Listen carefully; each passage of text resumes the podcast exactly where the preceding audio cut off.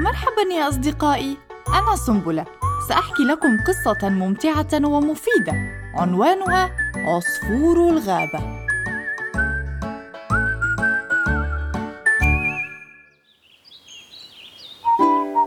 بنى عصفور صغير عشه في رأس شجرة في غابة غنية بالأشجار ومثقلة بالثمار. ذات يوم قال له صديقه نغم الحياة في هذه الغابة مملة وموحشة لا ضوء فيها ولا ترفيه ما رأيك لو تذهب معي لنعيش في المدينة؟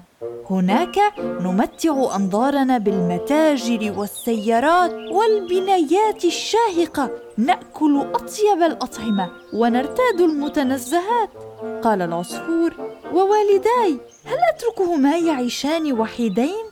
وغشي الذي بنيته وربيت فيه سوف أفتقده. والعصافير أصدقائي سوف أشتاق إليهم. فقال نغم دعك من هذه الخرافات. هناك في المدينة سوف تتعرف إلى الناس وتشارك أهلها بالمهرجانات والاحتفالات. فأجاب العصفور هل حقا ما تقول؟ لقد أخبرني جدي أن من يهجر موطنه يعيش غريبا بين أناس لا تربطه بهم رابطة الدم والأرض.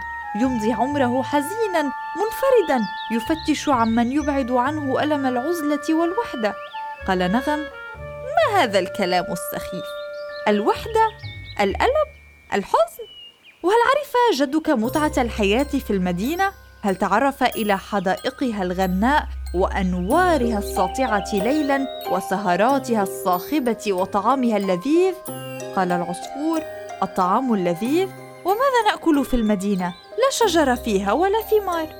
قال نغم في المدينة لا تشقى في التفتيش عن الطعام سوف تنقض الحب الذي يتكرم الناس به عليك. فقال العصفور الحب؟ لم أذق في حياتي طعم الحب. قيل لي إنه طيب ومغذ فأجابه نغم طبعا إنه طيب ومغذ. هيا يا صديقي لا تضيع وقتك بالتردد. هيا بنا نذهب إلى المدينة. اقتنع العصفور بكلام صديقه نغم وطار معه إلى المدينة. وعندما وصلا اندهش العصفور بجمال المدينة وقال المكان جميل حقا. إنه في حركة دائمة ويعج بالناس والسيارات. لكن أصوات الباعة وزمامير السيارات تمزق الأذان. أين أصدقائي الأشجار المتشابكة والينابيع المرنمة؟ أين أجد طعامي وأبيت ليلتي؟ قال نغم سوف تعتاد على الحياة في المدينة ولن تشعر بالضجر. ستتناول أشهى الأطعمة وتنام قرير العين. فأجابه العصفور لا لن أبقى دقيقة واحدة في هذا المكان. سوف أعود إلى بيتي إلى موطني حيث الهدوء والسكينة حيث الحرية والانطلاق حيث أستطيع أن أجد نفسي وأسترد حريتي. لا مكان لي أينما شئت أن أذهب في هذه المدينة. وداعا يا صديقي العزيز وداعا طار العصفور غير عابئ بنصائح صديقه نغم ولما وصل حط على تلة مشرفة على الغابة فوجد بعض الأشجار وقد اصفرت أوراقها وجفت ثمارها ويبست جذوعها وآثار الحرائق بدية عليها. فشعر بحزن عميق وطار إلى الشجرة التي ترعرع فيها وبادرها بالقول. السلام عليك أيتها الشجرة السلام عليك يا منزلي الأول.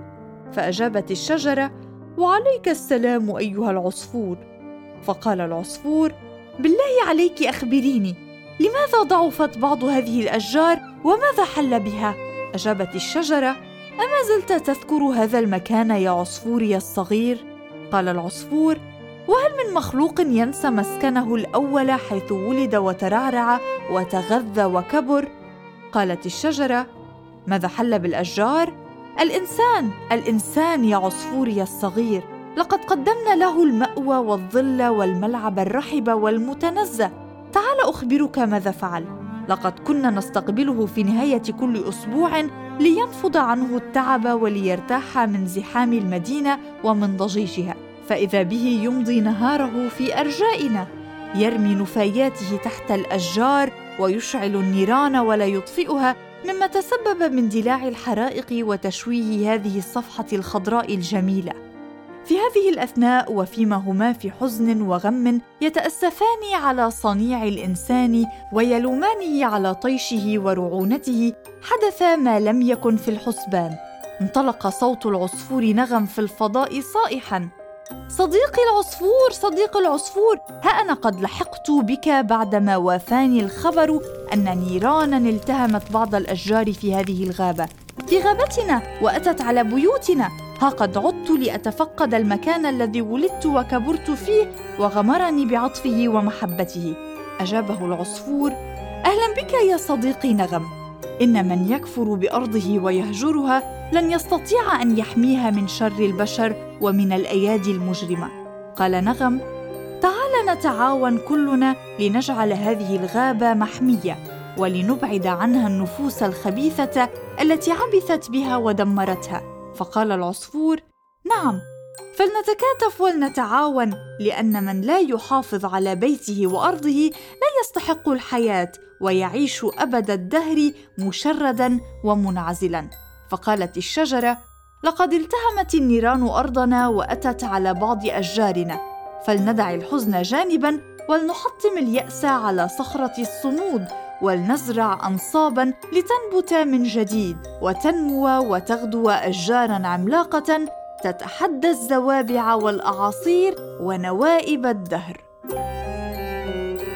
قرأنا لكم في بودكاست سنبلة قصة عصفور الغابة تأليف جورج رحموش صادره عن دار النديم للطباعة والنشر قراءة سارة خازم وإخراج حسين حجازي.